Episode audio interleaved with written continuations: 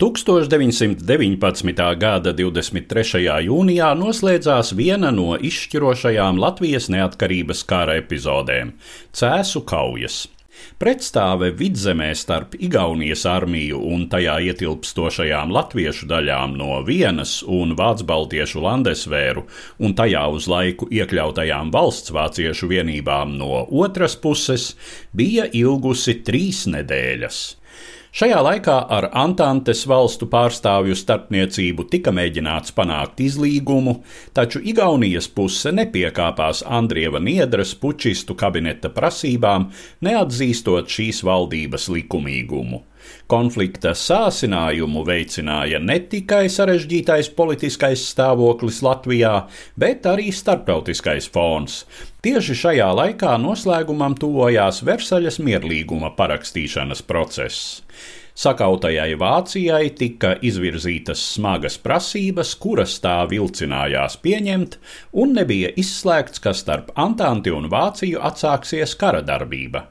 Iespējams, aiz Landesvēra un dzelzs divīzijas daļu aktivitātēm vidzemē slēpās kādi nozīmīgāki Vācijas revanšistisko aprindu plāni. Cēsu kauju likteni izšķīra Igaunijas armijas sekmīgā kaujas darbība, pareizi izstrādāts plāns, pietiekamas rezerves un komandieru un viņiem pakļauto daļu kaujas prasme.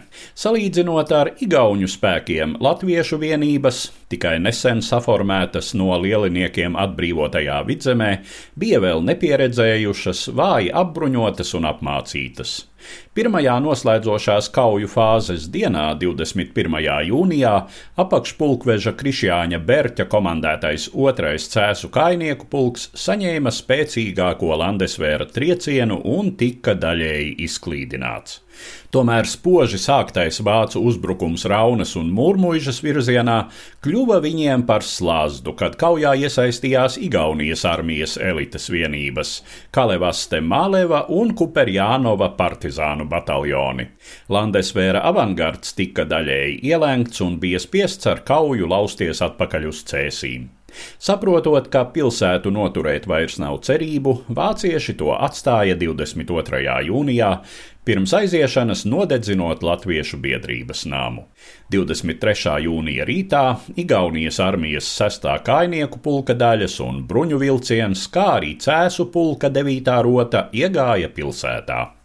Vācieši atkāpās visumā organizēti ar arjergarda sadursmēm, kavējot igauņu un latviešu spēku virzīšanos uz priekšu, līdz 26. jūnijā nostiprinājās Jūglas aizsardzības līnijā. Šeit viņi varēja turēties vēl diezgan sekmīgi un ilgi. Tomēr bija skaidrs, ka sakāve pie cēsīm ir izšķīrusi Andrieva Niedras vadītās valdības likteni, kas tajā pašā 26. jūnijā beidza pastāvēt.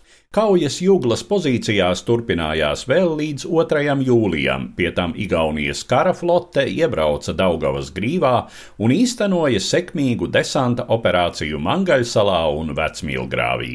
Nākamajā dienā tika noslēgts Strasdu mūžas pamiers, atzīstot Kārļa Ulmaņa vadīto pagaidu valdību par vienīgo likumīgo valsts varu Latvijā un nosakot kārtību, kādā vācu dzelzs divīziju jāizved no Latvijas, savukārt Landesvēram jāiekļaujas Latvijas armijas sastāvā. Kā zināms, tas vēl netuvu neizbeidza jaunās Latvijas republikas pretstāvi ar reakcionārajiem vācu spēkiem, priekšā vēl bija Bermonta armijas uzbrukums Rīgai, taču Latvijas pagaidu valdībai grūtākais posms, uzturēšanās uz kuģa liepājas reidā, bija izturēts. 8. jūlijā Ulmanis un viņa valdības ministri nokāpa no kuģa Sarātova Rīgā. Stāstīja Eduards Liniņš.